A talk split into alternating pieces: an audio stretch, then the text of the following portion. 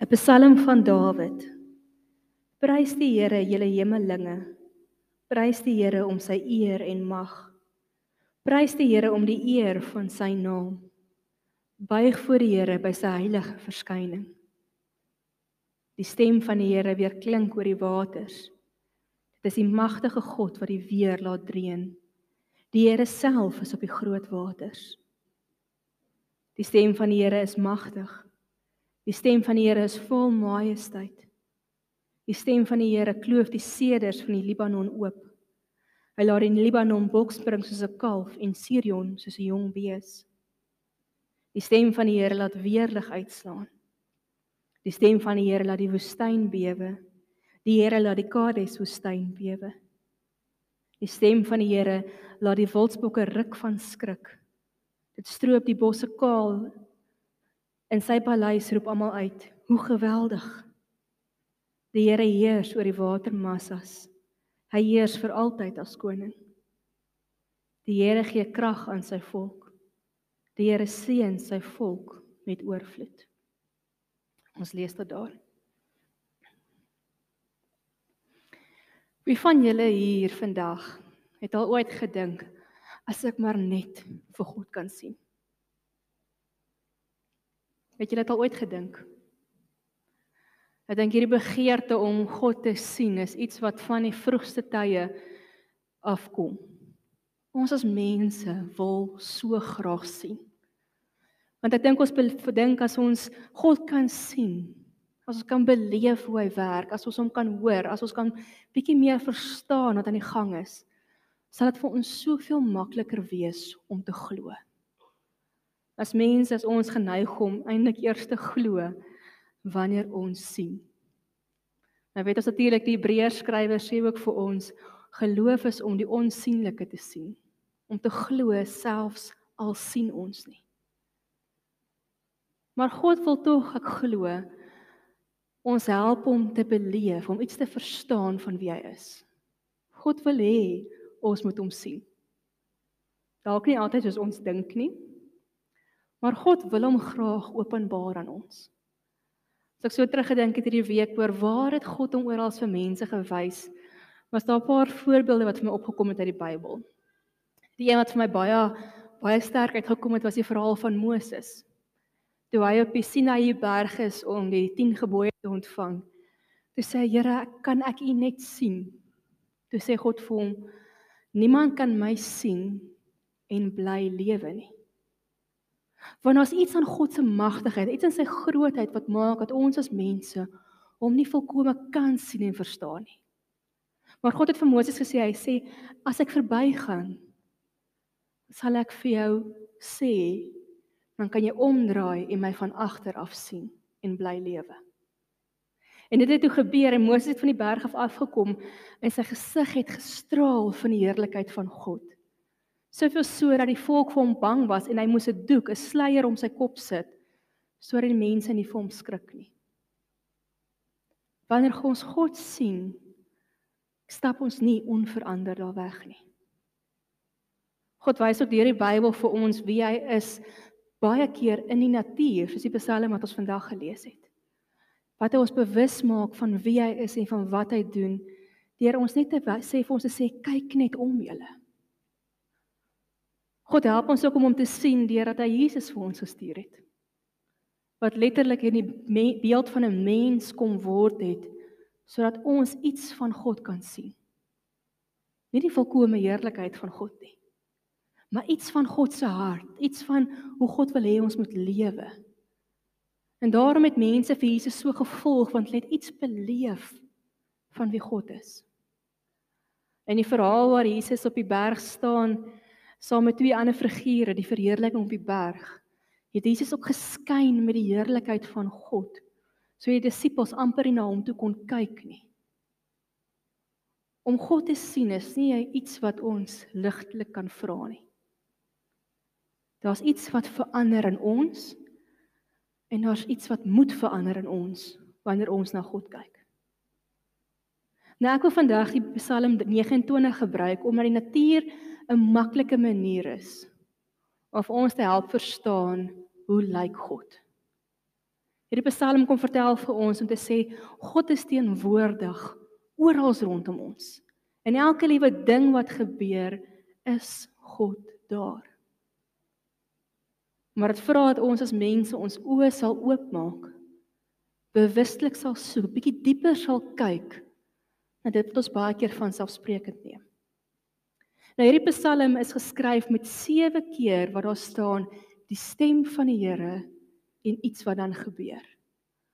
Om te sê dat wanneer God praat, wanneer hy vir ons wys waar hy is, wanneer ons hom kan sien, kan hoor, dan gebeur daar iets. Nou soos julle weet, 7 in die Bybel in die Bybel is die simboliese getal vir volmaaktheid. So hierdie Psalm sê ook iets vir ons wanneer ons die Here iets van die Here sien, beleef ons sy volmaaktheid, sy grootheid, sy almag. Nou ek wil so 'n bietjie deur hierdie beelde werk en eintlik net dit uitpak. Want soos ek sê, dis gewone goed wat ons elke dag baie keer sien wat ons miskyk. Die eerste beeld waarvan ons lees is hoe God se stem die waters laat bruis en laat dreun. Nou in die waters, as jy hulle verlede week dalk in die kerk was en die boodskap geluister het, sal hulle weet as waters as 'n vloed of 'n storm beskryf word. Dan was dit baie keer 'n beskrywing van 'n wêreld wat te mekaar is, 'n wêreld wat chaoties is, 'n wêreld waar dinge nie heeltemal lekker werk nie. En in Genesis 1 lees ons hoe God oor hierdie waters van chaos gekom het en orde gebring het. Dis waar ons verlede week ook so 'n bietjie aangeraak het met Johannes 1 uit. Nou wat hierdie psalmdigter hier kom sê, hy kom sê wanneer ons lewens te mekaar lyk, dan kan ons kyk na God.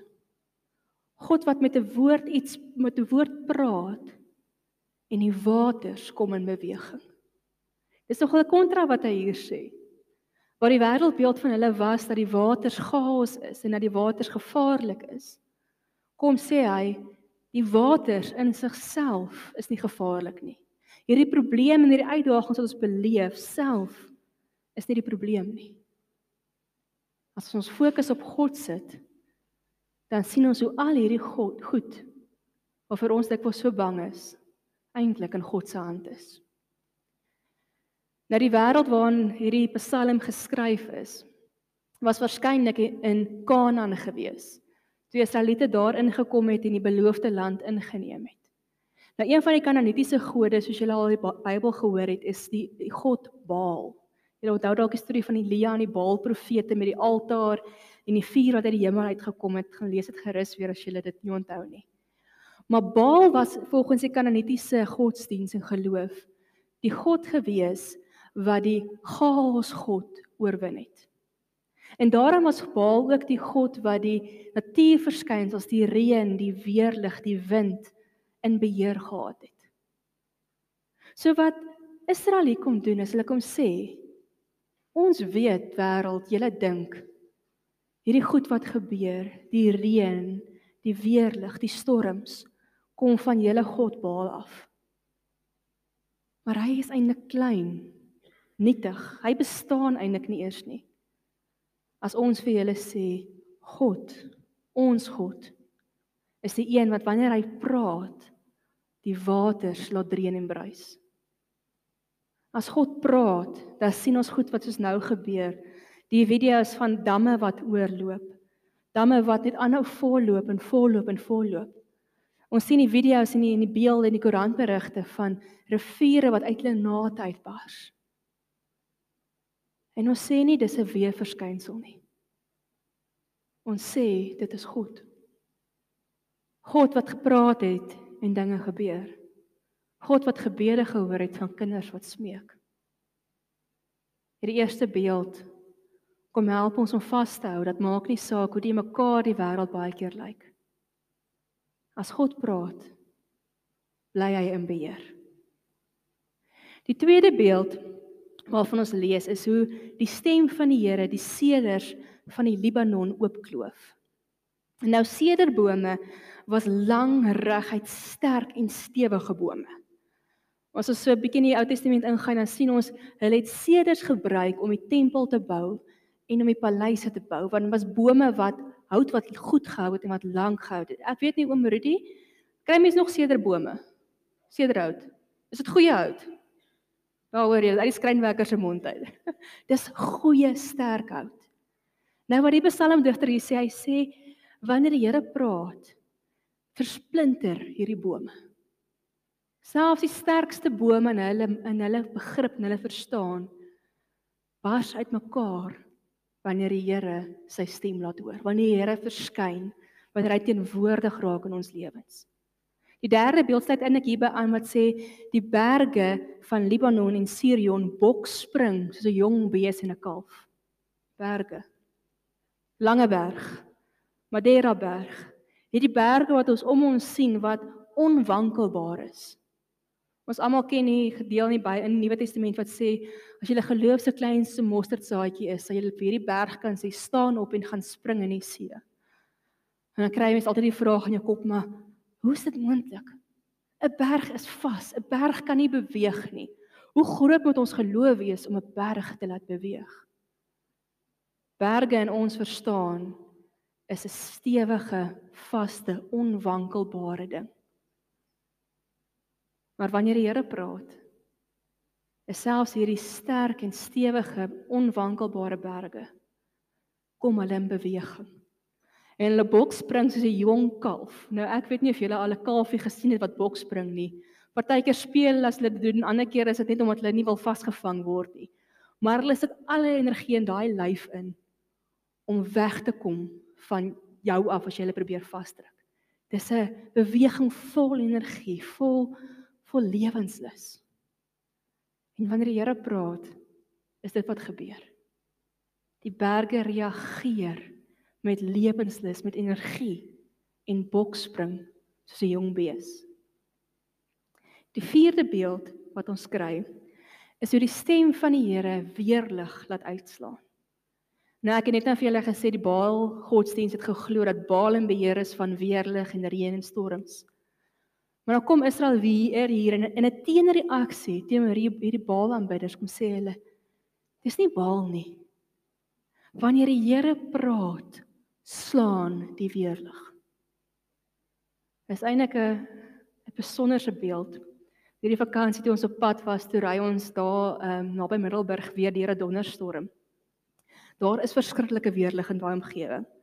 En ek dink omdat so 'n bietjie platter is, sien mense dit meer. Maar ek wonder wanneer laas jy gaan kyk na weerlig. Gaan kyk na wat is die krag wat uit daai slaap kom, die kleure, hoe hy weerlig kan vas staan op een plek en spring na 'n ander plek of een straal som op verskeie plekke kan vas staan. As mense het ons hierdie inherente vrees vir weerlig want ons weet hoe magtig dit is. Nou ek het so 'n bietjie gaan kyk na na watse krag lê daar werklik in weerlig. En hulle sê een slag van 'n weerligstraal kan tot 30 kA van kan van 30 kA slaan tot 400 kilo kilo ampere. Nou kyk, ek is nie baie goed met wetenskap skynat en daai tipe goed nie. Maar om vir julle vergelyking te tref is 0,1 ampere maak 'n mens dood. Ons praat hier van 30000 na 400000 kilo ampere in 'n weerligstraal. Natuurlik het die psalmskrywer nou nie hierdie beeld en hierdie verstaan in sy kop gehad nie. Maar ek dink hierdie wetenskap help ons om net so bietjie meer te verstaan van watter mag en krag lê daar in 'n weerligstraal. En hierdie digter sê vir ons wanneer God praat, is dit die hoeveelheid krag wat uit sy stem en uit sy wese uitkom. So ek dink ons gaan 'n bietjie anders kyk na weerligstrale as ons hulle weer sien. Die 6ste, 5de beeld is die stem van die Here laat die Kades woestyn bewe. Nou die Karies woestyn was nie 'n woestyn met net sand soos ons nou in Namib sal ken of die Sahara nie. Dit was 'n semi-woestyn. Daar was met tye genoeg of gras waar die diere kon wei, maar dit was ook nie maklik nie. Dit was nie 'n lekker plek om te leef nie. Dit was 'n harde wêreld. En selfs hierdie harde woestyn wat mens alles kan weerstaan en wat wat sterk voorkom, gehard voorkom. As die Here praat, dan bewe hierdie stuk harde aarde. Die sesde beeld ons kry is oor die stem van die Here wildsbokke laat ruk van die skrik. Nou as julle hier dalk in die natuurreservaat eers gery het, sal julle sien ons bokke hier is nogal mak, maar baie keer as jy onverwags met draai kom en 'n bok hoor jou, dan sal dit dadelik kyk en hulle sal begin weghardloop. Want van nature is hulle gemaak om te reageer op enige klank, op enige gebeurtenis wat vir hulle gevaar inhou. So wat ons sien in hierdie beeld is hoe God self sê wanneer hy praat, dan reageer hierdie wildsbokke van nature deur weg te hardloop. God het die natuur so gemaak dat dit nie anders kan as om te beweeg, om iets te doen wanneer die Here praat nie. Ons kyk so maklik oor dit. Ons dink so maklik, ag maar dis maar net seisoen. Dis maar net 'n normale ding. 'n Skilpad kruip maar net in sy dop in. Ons besef nie die wonder wat baie keer om ons in hierdie eenvoudige goed is nie. En ek dink dis wat hierdie psalmdigter ook vir ons probeer om ons weer bewus van te maak. Die sewende beeld is hoe die stem van die Here die bosse kaal stroop. Wanneer die Here praat, is dit asof die blare van bome afval. Gras verdor. Dit wat ons dink iets verskrikliks moet gebeur. Selfs die natuur luister wanneer die Here praat. Hierdie is nie 'n seisoen ding nie. Dis nie seisoen wanneer ons na winter en herfs en winter toe gaan die blare outomaties afval nie. Maar hier is iets buitengewoons wat gebeur wanneer die Here praat. Wat sê al hierdie beelde vir ons? Hierdie sewe beelde. Hierdie beelde maak ons bewus hoe God in alles rondom ons teenwoordig is. Maar dat ons as gelowiges eintlik gevra word om bietjie dieper te kyk om meer bewuslik te kyk na wat om ons gebeur. Om weer te leer om verwonder te staan oor doodgewone goed. Verwonder te staan as 'n rivier afkom. As blommetjies in die veld begin groei. As 'n dier reageer op 'n natuurlike manier.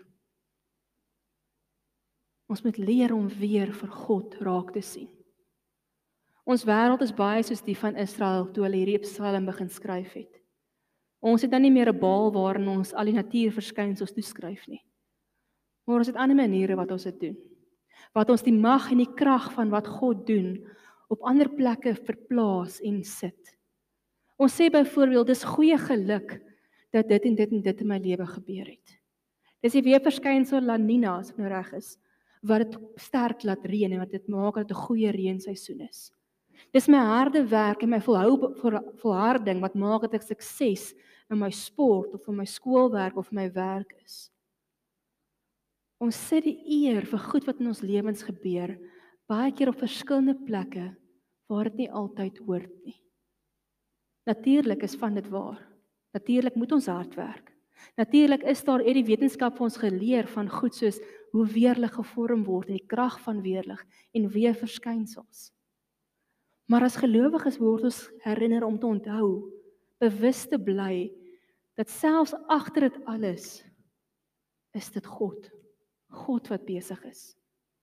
Kennis en wetenskap en hierdie begrip van wat om ons aan die gang is, moet ons nie verder van die Here af wegtrek. Want God gee dit vir ons. Maar hy gee dit vir ons sodat ons nader aan hom kan kom. Dat ons meer kan verstaan van wie hy is. Daar was 'n wetenskaplike wat eendag gesê het in 'n konferensie toe hulle praat oor wetenskap en geloof en hoe kry mense dit mekaar uit wat hy gesê het hoe meer ek leer oor die wetenskap hoe meer leer ek oor God hoe meer raak ek verwonderd oor God As gelowiges moet ons begin om weer ons oë oop te maak of om God te vra Here wys ons wys ons waar is hy teenwoordig om ons elke dag Ons kan God sien God wil hê ons moet hom sien. Maar ons moet bewus raak waar hy werk. En wanneer ons bewus raak van hoe God werk, leer ons uit hierdie Psalm ook twee maniere oor hoe ons moet reageer. Want ons kan nie anders, soos ek net nou gesê het, wanneer God praat, gebeur dinge. Hierdie natuur gaan in beweging in. Dit doen goed buite die normaal. Ook mense, Moses, as ons dink aan Moses se verhaal en disippels se verhaal, kan nie anders as om te verander wanneer hulle God sien nie. En so kan ons ook nie anders as om te verander wanneer ons bewus raak van hoe God om ons is nie. Die eerste reaksie wat ons in hierdie Psalm raak lees, is dat wanneer mense besef die heerlikheid, die grootheid van God, waar hy is en wat hy alles doen, val in aanbidding vol respek voor hom neer. Ons moet God eerbiedig, is die ou woord. Ons moet God met heilige vrees dien, leer die Bybel ons. Heilige vrees is nie iets wat ons in 'n hoekie gaan sit en sê o, ek is bang ek wil nie met die Here praat nie. 'n Heilige vrees is om in nederigheid in aanbidding te kom en sê, "Wow, Here. Kyk hoe mooi. Kyk hoe groot is U om vir God te erken vir wie hy is." Al hierdie diere, al hierdie natuurelemente het elke keer hulle eie mag op sy gesit. Die berge, hulle standvastigheid. Die waters, hulle chaos en gesê, "Here, ons kom in bedaring, in beweging voor wie U is." Die aan die einde van die Psalm lees ons hoe die mense in die paleis kom uitroep: "Hoe geweldig!" As reaksie op hierdie goed op hoe hulle God beleef het. Hoe geweldig beteken hoe groot, hoe majestueus, hoe bo ons begrip en verstand. Hoe vol krag is die Here. In die paleis was die plek waar ons as mense voel ons kraai koning. Dis die plek waar die koning die meeste gesag gehad het, wat wat hy gesê het wet was, waar almal na hom geluister het. Selfs waar ons voel ons het mag en gesag en almal luister na ons. Word ons as mense ook opgeroep om te sê, Here, ek kom buig. Ek kom buig en ek besef al hierdie goed wat gebeur is nie my oulikheid nie. Dis nie omdat ek hard werk nie. Dis nie goeie geluk nie. Dis nie die weeromstandighede wat gunstig gedraai het nie. Hoe geweldig, Here. Dit is U. Die eerste reaksie wat God se grootheid by ons moet uitlok, is respek en eerbied vir wie God is. En ons moet dit sê. Dis die tweede reaksie. Nie net moet ons lewens verander dat ons kom buig voor die Here nie, maar dit moet ook ons manier van praat en wat ons vertel verander. Net soos hierdie Israeliete reaksie gehad en gesê het, dit is nie Baal nie, dit is nie net die dit is nie net goeie geluk en harde werk wat hierdie goed in ons lewens moontlik maak nie. Dis God. Aan die begin van hierdie Psalm kom ons kan skryf die oproep, kom juig, kom loof die Here, alle hemelinge. Dit beteken engele. Die Psalm kom roep die engele op om God te kom prys wie hy is. En aan die einde van die Psalm dan hoor ons kom mense, julle in julle paleise, julle waar voel wat voel julle is veilig.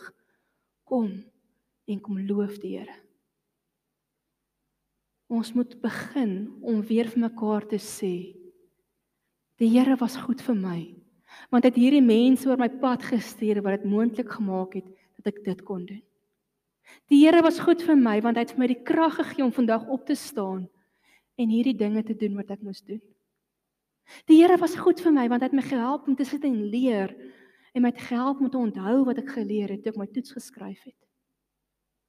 Ons moet begin om God in elke dag in alles wat ons sien, wanneer ons dit sien, te loof en te prys. Om verby 'n blommetjie te stap en te sê, "Wow, Here, kyk hoe mooi is dit." Om af te buig om weer te kyk en sê, "Here, hoe besonder. Kyk hierdie kleure." Dankie, Here. As ons God werklik in ons lewens wil sien, moet ons leer om met hierdie bewustheid te lewe. Niks is toevallig nie. Alles kom uit die Here se hand uit. En hoe meer ons God begin loof en prys, hoe meer ons vir hom respek begin wys, hoe meer ons vir hom begin sê, Here, maar ons sien u hand rondom ons raak. Hoe meer gaan ons ook die Here raak sien. Dis swaar 'n sirkel wat ons in hierdie Psalm optel. In die begin word ons opgeroep om te sê loof die Here, sien raak wie hy doen, wat hy is en wie hy doen. En wanneer jy dit raak sien, buig voor hom, sê vir hom dankie. Loof en prys hom. En dan hier aan die einde, hoe meer jy my loof en prys, sluit die laaste vers af en staan daar: Die Here gee krag aan sy volk. Die Here seën sy volk met oorvloed. Hoe meer ons die Here loof en prys, hoe meer gaan ons beleef hoe die Here vir ons krag gee. Krag gee en vir ons wys hoe hy om ons teenwoordig is. Krag gee vir die alledaagse dingetjies. Hoe meer ons die Here loof, hoe meer raak ons bewus dat hy om ons is, in ons lewens besig is, besig is om ons te dra. En dan sê die tweede deel van hierdie vers en hy sal ons seën met oorvloed. Wat die einde gestaan ook is hy sal ons seën met sy vrede. Vrede in die Bybelse tyd, soos julle seker al gehoor het, is 'n allesomvattende vrede. Dis 'n vrede wat jou fisies jou liggaam aanraak, jou gesondheid raak. Dis 'n vrede wat help dat jy kos kry, dat jy kan sorg vir jou basiese behoeftes. Dis 'n vrede wat in jou verhoudings deurspoel. Dis 'n vrede wat in jou geestelike lewe deurspoel. God se vrede sluit alles van ons lewe in. En wanneer ons die Here sien, wanneer ons hom loof en prys en aanbid, eerbiedig voor hom is, dan gaan ons beleef nie net hoe hy ons krag gee nie, maar ook hoe hy ons lewens vul, elke liewe deel van ons lewe met sy teenwoordigheid. Om te beleef om God te sien in ons verhoudings is moontlik. Om God te sien in ons liggame wat dalk swak is, siek is, is moontlik. Om God te sien in ons werksplekke wat vir ons kos op die tafel sit, is moontlik. Om God te sien in 'n dorp wat ons baie keer voel val uitmekaar, is moontlik. Want God is daar. As ons die Here meer wil sien. Hierdie begeerte wat ons almal het. Leer op Psalm ons om ons oë oop te maak. God is nie onsigbaar nie. Hy is hier in elke deel van ons lewe. En hy wil hê ons moet hom sien. So kom ons vra die Here hierdie jaar vir 'n bewustheid dat hy ons help om dieper te begin kyk. Dat ons help om te reageer met respek en aanbidding. Sodat ons weer vir hom die eer kan gee wat hom toe kom. Ons Skepper God, waarin al die eer en die heerlikheid in hierdie wêreld behoort. Amen.